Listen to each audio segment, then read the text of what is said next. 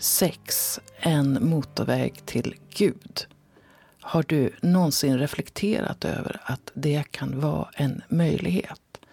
Att du genom att njuta kan komma i kontakt med din andlighet, med något som är större än du. Det kom Johan Ekenberg på för mer än 20 år sedan och ledde länge kurser som hette just Sex, en motorväg till Gud. Numera kallar han dem för tantrakurser. Det ordet börjar funka allt mer i allt fler sammanhang. Du lyssnar på Charlottepodden och jag som pratar är Charlotte Kronqvist. Det här samtalet med Johan Ekenberg förde jag en nyårsafton för några år sedan. Och det handlar bland annat om att förverkliga sina drömmar. Vi befann oss på Humlebäck i Värmland, en kursgård som han driver tillsammans med sin sambo Mia Lendahl. Och alldeles nu i dagarna så har Humlebäck lite grann förändrat skepnad till Humlebäck kurs och konferens. Det visar att Johan idag vill något mer. Han tar drömmen ett steg till och det känns fantastiskt. Lyssna på det här samtalet och fundera på vad du tillåter livet att ge dig. Hur ditt liv ser ut. Och du ska veta att den här nyårsnatten, några timmar efter det här samtalet, så var jag med om en omvälvande upplevelse. Vi befann oss, ett tjugotal personer, alldeles påklädda i ett rum. Det nya året hade startat och plötsligt var det som elektricitet i rummet. En man la min hand på hans bröst och sen började hela rummet vibrera. Så jag startade det året med en energiorgasm som pågick i en och en halv timme. Det var som att jag drog igång mig själv på en ny nivå. Och det är en av de saker som tantra kan bidra till. Ett av skälen till att jag gör den här reprisen nu det är att Johan Ekenberg är en av alla fantastiska workshopledare som kommer att bjuda på sin inspiration, sin kunskap, sitt väsen på Stockholm Tantra Festival den 3 till 5 maj i år.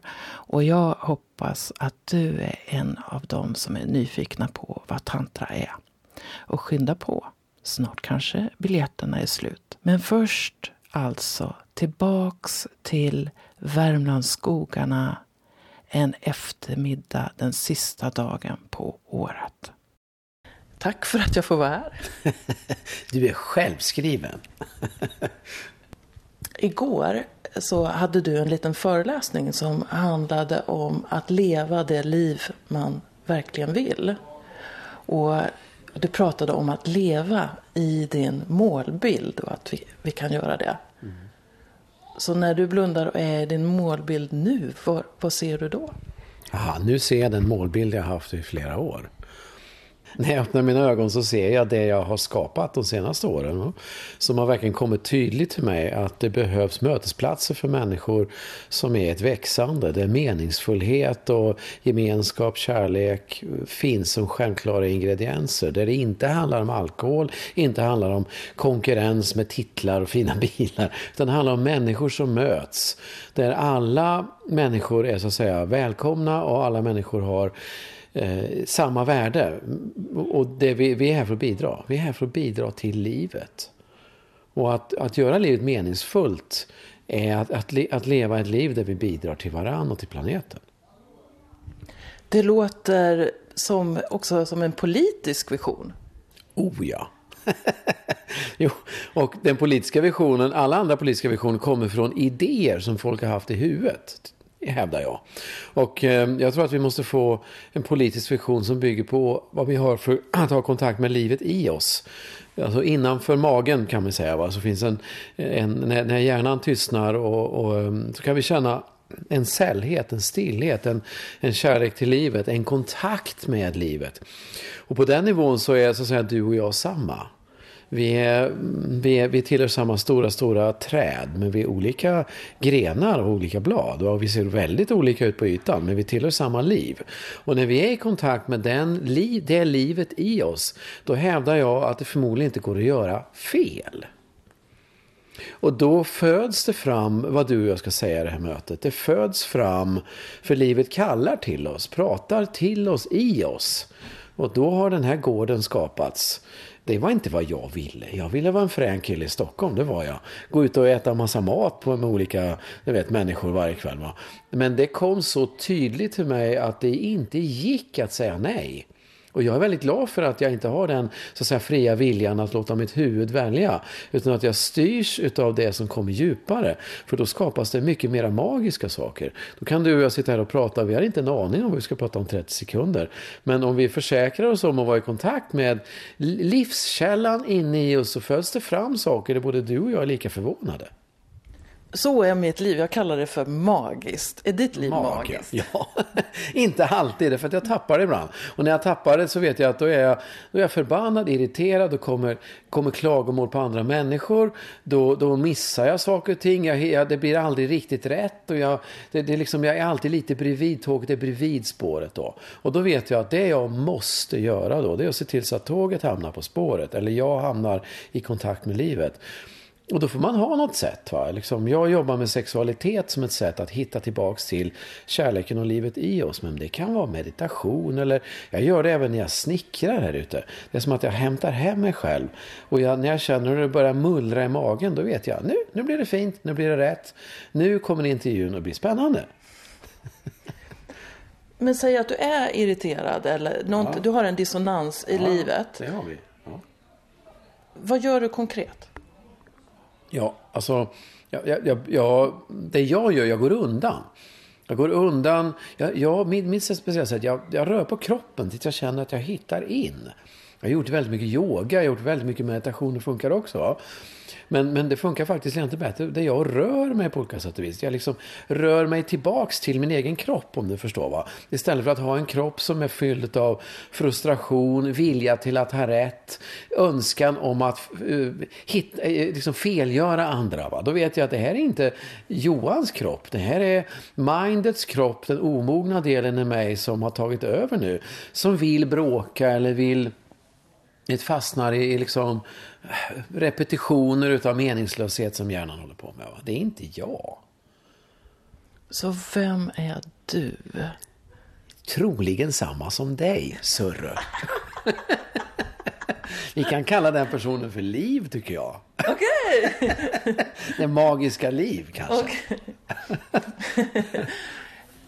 runt dig så samlas ju många människor som känner på något sätt att, att de vill ha tillgång till livet mer. Men en sak som jag reflekterar över som, som, som du pratade om en del igår och att när, när man börjar upptäcka att livet har djupare och andra dimensioner så kan det livet man lever verka meningslöst och så hamnar man i något varken eller på något mm. sätt. Mm. Hur ser du din roll för de människorna de hamnar i den där... Mm. Mm. Och det, det, verkar som så här att, att de flesta människor som lever på gatorna och springer omkring som är precis lika fantastiska som du och jag.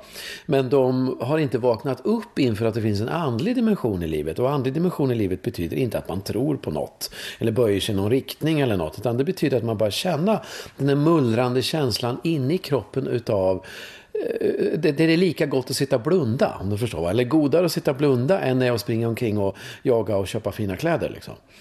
Eh, och när man vaknar upp inför det, vilket människor verkar göra nu i tusental på planeten. Och det är helt enkelt därför att det är en nödvändighet för att vi ska överleva på sikt. Och det som händer då det är att den kulturella sanningen om vad som är meningen. Liksom. Charlotte, du är ju journalist. Vad har du gjort med din karriär nu egentligen? Är du med va? Så sådana där frågor blir ointressantare för att vi vet att det finns en annan tillhörighet i oss. Det finns ingenting egentligen att vara rädd för. Och andras bedömningar om liksom, hur, vad vi gör med vårt yrkesval eller skilsmässor. Eller varför flyttar du ifrån Malmö? Det blir oväsentliga. De frågorna är inte viktiga utan det enda som blir viktigt i det är att vi känner den här meningsfullheten som man kanske lättast känner i gemenskap med andra som också har en strävan att hitta till sällheten i oss. Och den dissonansen har jag upplevt att det kan bli svårt för folk som har gått på kurser hos mig att liksom hitta tillbaks. Men, men nu när jag vet att livet kan vara så här. Nu när jag vet att det finns kärlek till så många människor, inte bara till en som jag var gift med. Nu när jag tycker att det är så enormt roligt att bara umgås när jag inte måste sitta och mäta mig med andras prestationer. Hur ska jag då kunna gå tillbaka till mitt jobb där vi ska fika och låtsas att det är bra? Där vi ska köra attityder om att liksom, ja, kväll ska vi hockey och dricka liksom. Det blir meningsfullt för många människor, självklart. Därför att det faktiskt inte är så meningsfullt. Och då är det en lång resa till, till ett liv där vi, där vi ändå får ihop ekonomi och karriär och vi måste ju ändå bo någonstans, och vi måste ju ändå tillhöra en värld. Och många av de som är i det här gänget, de är i någon slags limbo emellan där. Och längtar bara tillbaks till det är Ängsbacka och det är Humlebäck och det är alla sådana ställen. Till gemenskap med andra människor som också är på resan. Och vi behöver hjälpa varandra att hitta att lita på den här mullrande känslan i maggropen. För den talar om för oss vilken sysselsättning vi bör ha när vi är här. För att, och det är alltid en sysselsättning där vi får våra behov tillgodosedda meningsfullhet, kärlek och så. Och i den sysselsättningen så bidrar vi till livet och till varann. Och det är en resa tills vi hittar det för att det kulturella trycket där ute är så starkt. Va? Att liksom göra det man ska göra om du förstår vad jag menar. Som kanske inte alltid, ja som är vad, vad våra huvuden säger. Som är förnuftigt och du måste ju tänka på att och det förstår du väl att så här måste vi leva. Och, och innan vi, innan vi liksom börjar lita till den här djupare mullrande känslan och inte hela tiden lyssnar till huvudet som är mest är rädd för att inte duga liksom. Så är resan lång. Två, tre år har jag sett. Ifrån det att man börjar. Och folk kan vara, när de kommer från kurser och så, så är de ju då är de ju det här flödet va, för att vi är i kontakt. Och då, då, då börjar livet, det blir väldigt lätt, problem försvinner, märkliga tillfälligheter händer. Eh, saker löses och folk går med ett leende på läpparna. Men efter ett par dagar i en miljö där man inte får sina behov tillgodosedda. Där man ska leva upp till myten om hur man ska vara. Så, så, så tappar vi kontakten. Och då kan människor vara så olyckliga. Och de där ute som inte haft andliga upplevelser tar det som ett tecken på att det ser du väl att du inte ska gå på sådana här konstiga kurser. Precis, och det, ibland kallar man det där för backlash eller rebound eller ja, så som, ja. som ja. händer. Och det går ju fram och tillbaks tills vi någorlunda sen har hittat det tills det är lika kul att vara hemma och umgås som det är att träffa människor i ett växande.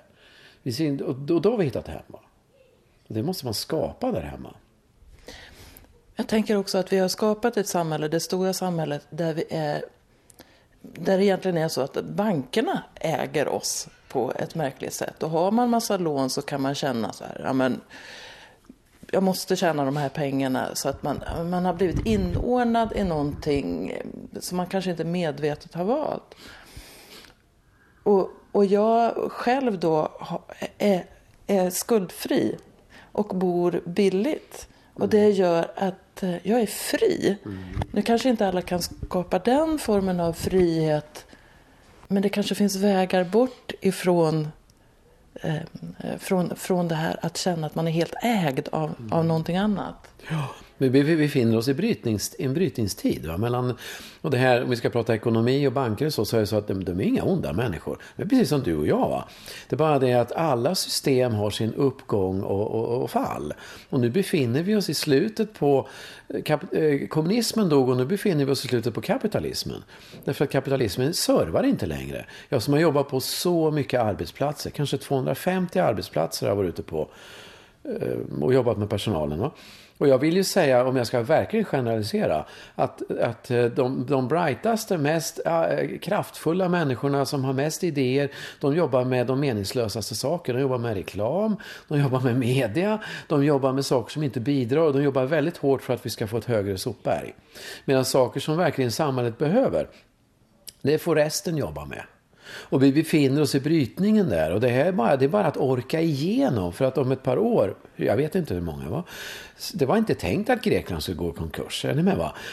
USA har en sämre ekonomi än Grekland, men det vågar vi inte ens titta på. Förstår ni? Ja, men det har redan fallit.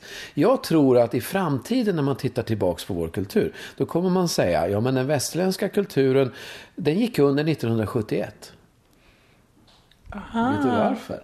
Därför att då, då utan det, de viktigaste politiska besluten som har skett i västvärlden de senaste decennierna har skett utan, utan diskussion i princip. Då, då, då, eh, då gick man ifrån guldmyntfoten i USA och fick eh, Fiat-pengar som man kallar det för. Va? Då började man trycka upp en jävla massa pengar vilket gör att ekonomin ökade något galet och har totalt skenat ur. Fullständigt nu. Så eh, det är klart att vi är ägda av banker och alla är rädda och alla, alla, hela, hela vägen bygger på skulder. Va? Och det, det vore väl väldigt bra om, om det snart gick under för att det vore bäst för Afrika. De skickar dubbelt så mycket pengar till oss som vi skickar till dem. Alltså det finns så många sjuka saker i det här mänskliga samhället vi har skapat. Och där, där min känsla är att det är just livet som är borttappat någonstans i det här. Ja. ja, och du ska veta att nästa system som kanske du och jag skulle kunna hoppas på är bättre. Kommer vara bättre initialt och så kommer det att spåra ur. Förstår du? Det är, en, det är en naturlig del, ungefär som gamla kroppar spårar ur när de börjar uppåt 80-90 års ålder. De får konstiga krämpor och livsuppehållande verksamhet en god till tills det faktiskt dör. Och det kommer det här ske också. Men det finns ingenting att vara rädd för. Därför att, därför att vi har fortfarande kvar vägar, människor är fortfarande välutbildade. I Grekland har fortfarande fantastiska öar med solsken. Förstår ni? Det, det finns inga verkliga saker utan det är, bara, det är bara systemet som faller. Är det, är det en del utav mognaden som du ser det? Att, att vi börjar se att det är inte så farligt? Ja, vi är, jag menar, det, det, det som vi har som gudar i vår kultur är pengar. Och det är inte så allvarligt. Vi måste komma till ett läge där vi, där vi förstår att vi, det, det, det, verkliga värden är någonting helt annat. Den här gården har jag köpt för lika mycket som en lägenhet, en etta på, i, i Stockholm kostar. Det har ingenting med verkliga värden att göra. Och vi måste börja värdesätta verkliga värden och det är kärlek. Man säger att verkliga värden är närvaro, kärlek, frisk luft, riktig mat. Ja. Och det vi, det vi håller på med i reklamens värld, det är att försöka få oss att köpa saker som inte har ett värde. Det är ett tecken på att vi är på väg ut för. Men igen, det är inga onda människor. Absolut inte. Det är naturligt att saker kommer och att saker dör. Om vi kommer tillbaks till, till, till dig. Du har ju lett kurser som handlar om sexualitet och livet så i 25 år. Sex, en motorväg till Gud, är som ett varumärke för dig. Men finns det något sånt där ögonblick när du vaknade till som gjorde att du visste att det är den här vägen jag ska in på? Ja, det var det många sådana. Jag funderar varför jag har fått en så tydlig indikation ifrån livet. Och då pratade jag med någon man någon gång och han sa att ja, det är förmodligen därför att du själsligen är så jävla fucked up. Liksom. Så att vi får, du, du, har fått så tydliga signaler. Va? Att det går inte att missa. Alltså jag kan berätta hur många som helst när jag, under min barndom. Va? Du vet, 12-årig kille som befinner sig på övervåningen. Liksom. Så, så är det en familj. Alltså, min, min, mamma och pappa har några kompisar på nedervåningen och jag vill inte gå ner. Jag har tråkigt. Man går omkring och vet inte vad jag ska göra.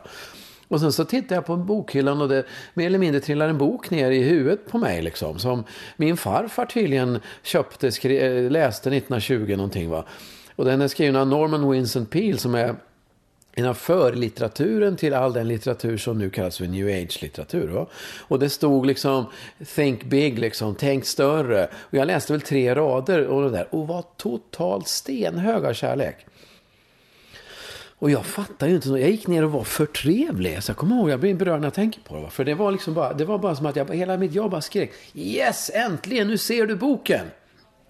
Och så här har det varit. När jag var 21 år och klev ner för trappan för jag skulle iväg till puben. Mina kompisar var en fredagkväll. 1983. Eller sån va? Och så tittar jag på tvn och jag säger hej då till mamma och pappa. Och där ser jag en flintskallig gubbe i blå träningsoverall. Som pratar östgötska. Och så ser jag på en madrass där så ligger en liten blond tjej och andas jävligt konstigt. Och mitt mind säger, den här gubben är dum i huvudet. Han pratar för det första alldeles för gräslig östgötska. Han kan inte bete sig, man kan inte göra sig på tv. Hela mitt mind bara skriker nej. Och samtidigt så öppnar sig hela mitt inre. Och allting blir helt tyst. Och en, eh, jag hör, om man nu kan kalla det för hör, att det är det här jag ska göra med mitt liv. Hur länge sprattlar du? Alltså jag, var, jag stod där bara i tystnad va? och tittade och sen sa mitt mind, du nu måste du gå iväg till puben. Liksom för fan klockan, klockan är redan sju, åtta. Skynda dig därifrån. Mitt mind gjorde allt för att jag skulle gå därifrån. Och mitt, mitt hjärta var bara totalt öppet. Sen vet inte jag, när jag gick därifrån, om jag hade kunnat referera till den händelsen ens en halvtimme senare. För jag tror att våra skallar ser till att glömma bort och rationalisera. Sen dröjde det några år och jag kom till Mullingstorps kursgård och träffade Bengt Stern. Och jag kom lite tidigare och för, för hans möte, det självkurs kom jag och där låg det en blond tjej på en madrass, samma tjej. Han hade samma jävla blå träningsoverall och han pratade lika grym östgötska. Och då stannade tiden igen och så visste jag, oj, nu har jag kommit hem oåterkalleligt. Nu är jag guidad hit, här ska jag vara. Och då var jag där sedan ett år. Och sen dess har jag bara jobbat med folk. Va? För de som inte vet vad Mullingström ja, är, kan ja, du säga? Han är, han, han är den i Sverige som, som han var alternativ läkare, otroligt kontroversiell. Va? Som började då redan på 70-talet prata om att det finns ett samband mellan sjukdomar och hur vi mår psykiskt. Och han utvecklade då kurser som var mycket primalterapi-inspirerade. Det var mycket frigörande andning. Otroligt kontroversiellt var det då. Va? Han var med på första sidan Expressen var och varannan dag. Väldigt bullrig och väldigt socialt inkompetent om man får säga vad jag tycker. Va? Men eh, han gjorde ett väldigt av, liksom, avtryck för världen. Va? Så jag vill verkligen tacka Bengt. För han har gjort, skapat grunden för mycket av det vi står för idag. Och nu jobbar man inte lika hårt. Han rullar in folk i mattor och det, vet, det var panik och skräck. Det var det det handlade om. Va? Och nu förstår vi att det finns kanske bättre sätt att jobba som i längden ger bättre resultat. Som inte är så återtraumatiserande. Och du har ju valt då ingången sexualitet. Mm. Varför gjorde du det valet? Och andning finns ju med ja, i det här också. Ja, ja. Det, det, kom sig utav en... Det kom sig så här. Att jag, när jag gjorde frigörande andning och kom till det djupa stadiet där man verkligen är i kontakt med livet, säljet kärlek, som kännetecknas av att Allting är bra nu, det gör ingenting om jag lever eller dör. Jag har kommit hem, här känner jag igen mig, det är ju här jag tillhör. Det finns djupt i oss och det kan man med hjälp av andning komma dit. Va? När jag i sexuella sammanhang eh, liksom kom till den kärlekens stillhet så upptäckte jag att det var samma ställe jag kom till. Och jag har ju alltid varit intresserad av, redan som 14-åring började jag meditera. Så jag känner ju till det där stället i oss. Va? Och eh, jag trodde att folk skulle börja meditera bara för att då visste vi ju det, trodde jag. Va? Det var ingen som var intresserad av meditation. Men alla är intresserade av sex. Kan man lära människor att ha sex på ett klokare sätt än det här konsumistiska in och ut och sprut. Så kommer människor till vårt andliga centrum. Och det är det jag jobbar för. Jag är, jag är inte så egentligen intresserad av sexualitet. Så jag använder sexualiteten som en hävstång för människor att upptäcka livet. Och den sexualitet vi har idag är ju totalt barnslig. Alltså, det är totalt barnsligt. En konsumistisk, liksom, spela ut, liksom, leka porrfilm, sensationer, bara dopaminkickar. Liksom. Alltså, let's grow up. Liksom. Det handlar om kärlek. Det här är en väg till det inre livet, till kontakt med livet. Det är den enda religion jag godkänner. När vi böjer oss ner inför varandras så att säga, könsorgan va? och förstår att vi, är bärare utav liv. Och vi är här för att visa varandra vårt innersta. Så, både så att liv kan uppstå men också att livet i oss kan uppstå. Jag kan, jag kan verkligen relatera till det du, du säger. Och det, jag tycker det är så intressant när man pratar om sexualitet. Eller när jag är med och pratar om sexualitet. Så blir jag väldigt ofta missförstådd. För det som det tolkas som mm. är det här konsumistiska. Ja, ja. Som jag nästan inte känner igen ja, längre. För det har kommit. Så när jag, jag vill ju bidra till livet i oss. Men ser då sexualiteten som en, en mm. väg mm. för att få mer kontakt. Ja, vi är så, vi är så störda i det här området. Va? Så att när du och jag då sticker ut näsan i världen och säger att vi står för någonting annat så, så, så kan människor inte höra någonting annat än det gamla. Du kan ju läsa skvallersajter på nätet om mig. Fruktansvärda saker som folk hittar på och har inte en aning och de tror vad vi gör på kurser. Det handlar ju inte ett dugg om det som det skrivs om. Därför att vi, är, vi kan inte förstå att det kan vara någonting annat än det som de själva bara har varit med om. Och för dig och mig är ju, är, är ju sexualiteten det vackraste man kan göra. Har ju ingenting med det skam och dumheterna liksom. Konsumera och liksom hålla på va. Spruta ansiktet eller vad man håller på med. När kom det in? Det var dumheter liksom. Vi har ju jobbat tillsammans en del på, på olika sätt och jag kommer ihåg när jag höll i en eh, utbildning vi var på vi var i Halland på en kursgård som hette Mangalam. Och, och då var det människor som jobbade med, ville jobba med sexualitet. Men en av de grejer som du valde att göra då, det var en frigörande andning där vi skulle samla energi i oss istället för att leva ut den som man ofta mm. gör i, i frigörande andning. Och efter ett tag så sa du minska andningstakten till hälften. Mm. Och så efter ytterligare ett tag så sa du minska den till hälften igen. Mm då hade jag förmånen att vara bland de som andades. Och jag kom till sällhet i det här. Det var, det var stilla i rummet. Men jag kände hur vi var livet allihopa. Mm. Och när jag tittade mig omkring när vi slutade liksom, så såg jag alla hade en klarare blick. Mm. Men då är min känsla det att då hade många av de här människorna jobbat mycket med sig själva. Så det var möjligt att möta med livet i någon slags meditation och, och, och stillhet. Det, ja, vad säger du? Människor som börjar på den här resan och går på kurser hos dig och mig. Va? De är så, det, är, det är så revolutionerande spännande att få känna sina känslor fullt ut. Så att de gillar att gråta utav helvete. Va? Och de gillar att få, få, få, få, tröst för att de gråter och någon är förbannad för första gången i sitt liv. Och det är jättebra. Men det har liksom ingenting med... Det är mera att man öppnar locket till något som har varit liksom väldigt tryck i. Det, har ingen, det, det vi behöver komma ett steg till. Vi behöver komma bortanför det och förstå att vi kan vara observatören till våra, våra ska, vår skalle som tänker hela tiden. Observera att vi tänker hela tiden, inte var tankarna. Observera att vi har känslor, vi blir inte känslorna. Och det är nog annat än att förtrycka känslorna, som många tror. Och när man kommer till att bevittna alltihop, då är vi i vårt andliga varande, det jag hävdar är evigt i oss, som inte kan försvinna.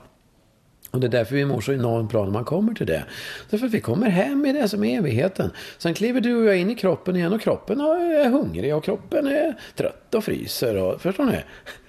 Men det är bra att veta vad som egentligen är sant. För då skulle jag väl kunna tänka mig att vi kanske inte är så rädda för att dö heller.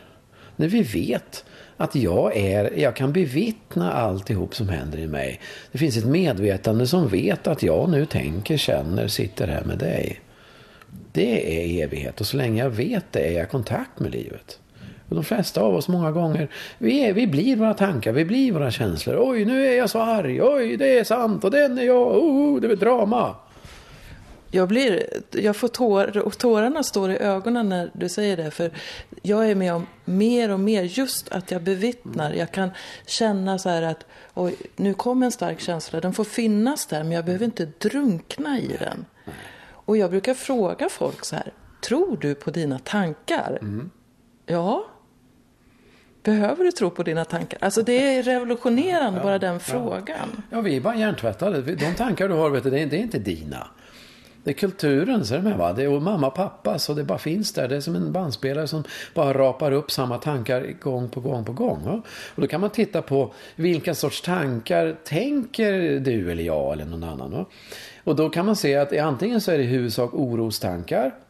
Och då tror man att det är någon, någonting vi måste göra där ute som, som vi är oroliga för. Va? Och när det har släppt, då hittar hjärnan något nytt att vara orolig för. Förstår ni? Kineserna kommer, en död svan i Arboga. Åh, nu får vi fågelinfluensa. Och jag, oj, en ekonomisk kris, nu kommer vi svälta. Förstår ni? Titta på tidningarna. Svenska befolkningen är orosberoende. Det är ett beroende, ett kemiskt beroende där hjärnan förser oss med nya orsaker till oro. En del är depressionsberoende, andra är aggressionsberoende. De heter alltid nya dumma jävlar.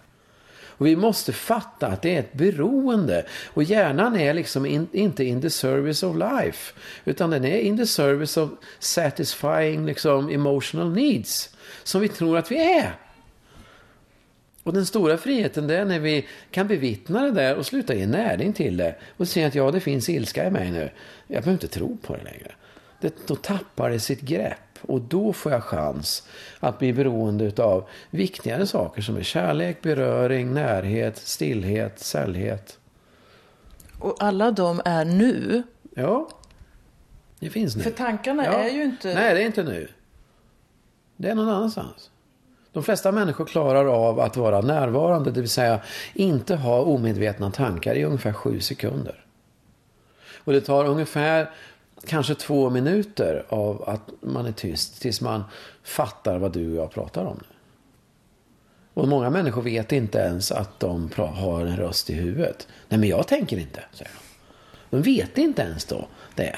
Och då vet vi att okej, okay, du behöver vakna upp lite mer innan du upptäcker att du är störd av en inre röst. Jag brukar vara störd av jävla dålig svensktoppsmusik som pratar i min skalle. Jag, jag vill inte höra skiten mer. Det är inte jag. Stäng av! Jag har, hört, jag har just inte gjort det, men det finns en meditation som heter Vipassana som ja. är tio dagar. Och då har jag hört människor berätta att första tre, fyra dagarna så hör de sin egen radio. Och sen så börjar den tona av. Men så mycket är det att det tar flera dagar innan den... Ja, ja. Och det är ett, ett bra tips om man vill göra det. Det är också se till att fasta eller ha så lätt mat som möjligt i tarmen. För då går det mycket fortare den processen. Och när man käkar väldigt skitig mat eller stressad, stressad kött. Om man ska vara väldigt tydlig. Va? Och jag är inte vegetarian på något sätt. Men, men att veta att och stoppar man den i tarmen så blir det mycket mer tankar i huvudet. För tarmarna och tankeverksamheten hänger ihop enormt tydligt. Jag ska ta ett sista spår där och det är ju att eh, de senaste åren så har du levt mer i en familj än du har gjort tidigare. Mm. För du har två döttrar som också finns med här på, mm. på nyår i Humlebäck. Hur har deras närvaro i ditt liv påverkat dig? Eh, ja, de kom ju in, äldsta dottern kom ju in, jag vill ju inte ha barn, jag är inte intresserad. Mitt mind vill vara en frän kille i Stockholm va. Och det var inte så att det var, det bara, oj nu blev Mia gravid. Nej, det var medvetet. Jag, jag, det, det, det är en för en privat historia för att berätta så här. Va? Men, men det var samma sak där. Där, där hon talade till mig. Va? Nu, nu är det dags. Va? Du vet, så. Och då, då, då, insåg jag på ett djupare plan att vad skönt att jag inte har fri vilja, att livet har en plan till mig. Och att då, då vågar jag ju lita på livet, de signaler. Så jag gjorde det som var absolut, jag absolut inte ville om vi pratar Johan Ekenberg, 20 år som bor i Karlstad. Jag har flyttat tillbaks till Värmland. Jag har två blonda barn. Jag har inte en Volvo men typ fan nästan. Och jag bor här och jag gör det här. Och det är precis det, det, det, är, det är typen av misslyckat liv som jag tyckte när jag var 20 år. Och frihet är att inse det att det är också bara en program, en idé, e, en, en kille som levde och tyckte. Och när jag vågar lita på en djupare signal i livet så har det öppnats något enormt mycket mer. Va? Det kommer väldigt mycket mera människor. Jag är med om mycket mer större tillfredsställelse. Jag får uppleva kärlek på en helt annan nivå. Tack vare att jag inte lyssnar längre på mitt mind. För jag förstår att det inte vill mig väl. Det vill bara det det alltid har gjort. Mindet är till för att inte, den vill inte förändring. Den vill att kroppen ska överleva. Det kallas för homeostas inom sjukvården. Den vill inget nytt. För att har man käkat korv eller har man bott i den här lägenheten eh, och det har fått oss vid liv de senaste åren så vill, så vill vi inte ändra på någonting. Det känns inte riktigt rätt. Jag vill inte. Nej, vi har blivit beroende av det livet. Och vi måste, vi måste våga gå emot vårt mind och lita på en djupare röst som säger nu är det dags att flytta till Värmland. Nu är det dags för kursgård. Och det, kursgården kommer bara kasta sig i ansiktet på mig på ett sätt som man går inte att säga nej mig. Och jag är inga annorlunda än andra. Det är bara det att jag har lärt mig lyssna. Det, det, vi får signaler allihop, men vi lyssnar inte. Vi, vi är hela tiden på musik hemma. En massa jävla meningslösa nyheter som bara rabblar upp dumheter som inte ens reflekterar vad som händer på planeten. Vi är helt drogade av en massa dum oro liksom. Och nu ska folk springa ut i natt och stå och frysa i någon jävla snöhög i, i lågskor och säga skål och se något fyllo som tänder på någon raket. Hur många tror du vill det? Hur många tror du har valt att göra det? Och vore det så att vi tyckte att det var roligt, varför är det ingen som gör det 7 februari eller så? Nej, det förekommer inte. Alla är drogade till att göra samma sak. It's fucking time to wake up. Och ett uttryck för det där uppvaknandet det kände jag igår då när, när det, ditt stora barn eh, fick, fick vara i centrum av dansen. Och hon fick se hur alla liksom följde med henne. Vad händer i dig när du ser den där kraften i, i, i denna underbara gestalt. Ja, jag tycker att det är spännande att ha henne också som, och båda barnen som också förebilder både för mig och för andra. I den gamla världen så ser man barn som är i vägen och som ska uppfostras till att bli lika störda som dig och mig. Och jag vill ju ta hit min pappa som är 85 och min mamma som är 83. Va? Och jag vill att alla ska vara med och jag vill lita på att när mina barn är i lokalen där ute att, att, att det blir rätt istället för att jag, jag fokuserar på vad som kan bli fel. Jag litar på att det finns något gott där vi alla lär oss då ser ju jag att, att hon växer och alla andra växer och alla tycker det är fantastiskt. Vi hade, jag hade en kurs här. Hon, Emma satt i två timmar i cirkel med mig och tyst, och hon är fyra år, Eh, fyller fyra snart. Hon applåderade, den andra applåderade och skrattade, den andra skrattade. Och det var en fantastisk lärdom för alla de andra 40 i lokalen. Som aldrig har sett ett barn som inte är överspidat utav socker, som inte är överspidat utav uppmärksamhet som de äntligen får, för de får det aldrig annars. Hon tar inte den uppmärksamheten. Helt enkelt därför att hon får den normalt. Så hon är en av dina läromästare idag? Jag böjer mig djupt för henne för att jag förstår att jag måste lära henne att man inte kan springa ut på gatan. Men jag, hon får lära mig enormt mycket om tillit till livet. Och hon har ju hon har visat mig verkligen en massa, massa saker som jag inte riktigt kan formulera än men som, som är på gång. Med vad, hon, har, hon har styrt hela familjen, hon som har skapat det här stället. Hon har sett till, det låter jävligt märkligt, jag kan berätta det. nu, ja, köpte ett hus, i, eller så här, i höstas skulle vi titta på ett hus i Karlstad. Mm. Vill inte bara bo i skogen i Värmland. Och det som händer då det är att vi en sen kväll när vi har varit hos min, mina föräldrar och käkat så åker vi förbi för vi är så nyfikna på att titta på det här huset som vi kanske ska lägga ett bud på. Och då säger jag till, till Emma, du, eh, vi kanske ska bo i det här huset. Och då säger Emma, ja, gula huset ska jag bo i. Vad sa hon? Gula huset? Ja, det är ju gult. Varför säger hon? Hade redan, hon visste redan om huset. Hon har redan varit där. Hon, hon tjatar varenda dag. Hon har aldrig varit där, så att säga.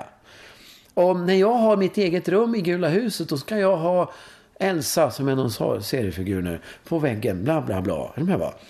Hon vet inte som fyraåring att man inte kan säga sådana saker. Och vi som föräldrar förstår att det finns en vidgad verklighet där det här barnet redan vet, därför att hon, har inte, hon förstår inte att hon inte förstår. Va? Och att allting hänger ihop och att allting har redan hänt och att allting händer samtidigt. Så hon kom hem och visste att vi skulle ha det där huset. Och då blev det lite märkligt för mig. Jaha, alltså ska vi köpa det där huset eftersom du redan vet vad huset heter tydligen. Och redan vet hur det kommer att är och pratar om det och vet, förstår du? Mm. Och tusen grejer vill ha inte ens högsta budet. Och det, ni vet, jag undrar, men vad händer då? då? Och sen så drar sig köparna ur och vi får huset och ja, vi ska flytta dit nu om två dagar. Så att hon lär mig väldigt mycket om tillit och livet och jag börjar se att livet är något annat än kämpa och, och liksom random events finns inte, alltihop hänger ihop. Allting är magiskt och allting har en mening och vår enda uppgift är att se till att vara, ha tåget på rälsen. Det vill säga att ha kontakt med livet i oss. Annars är vi vilsna, annars mår vi dåligt. Annars så tittar man i arbetsförmedlingskatalog, vad ska jag göra med mitt liv? Är inte rätt sätt.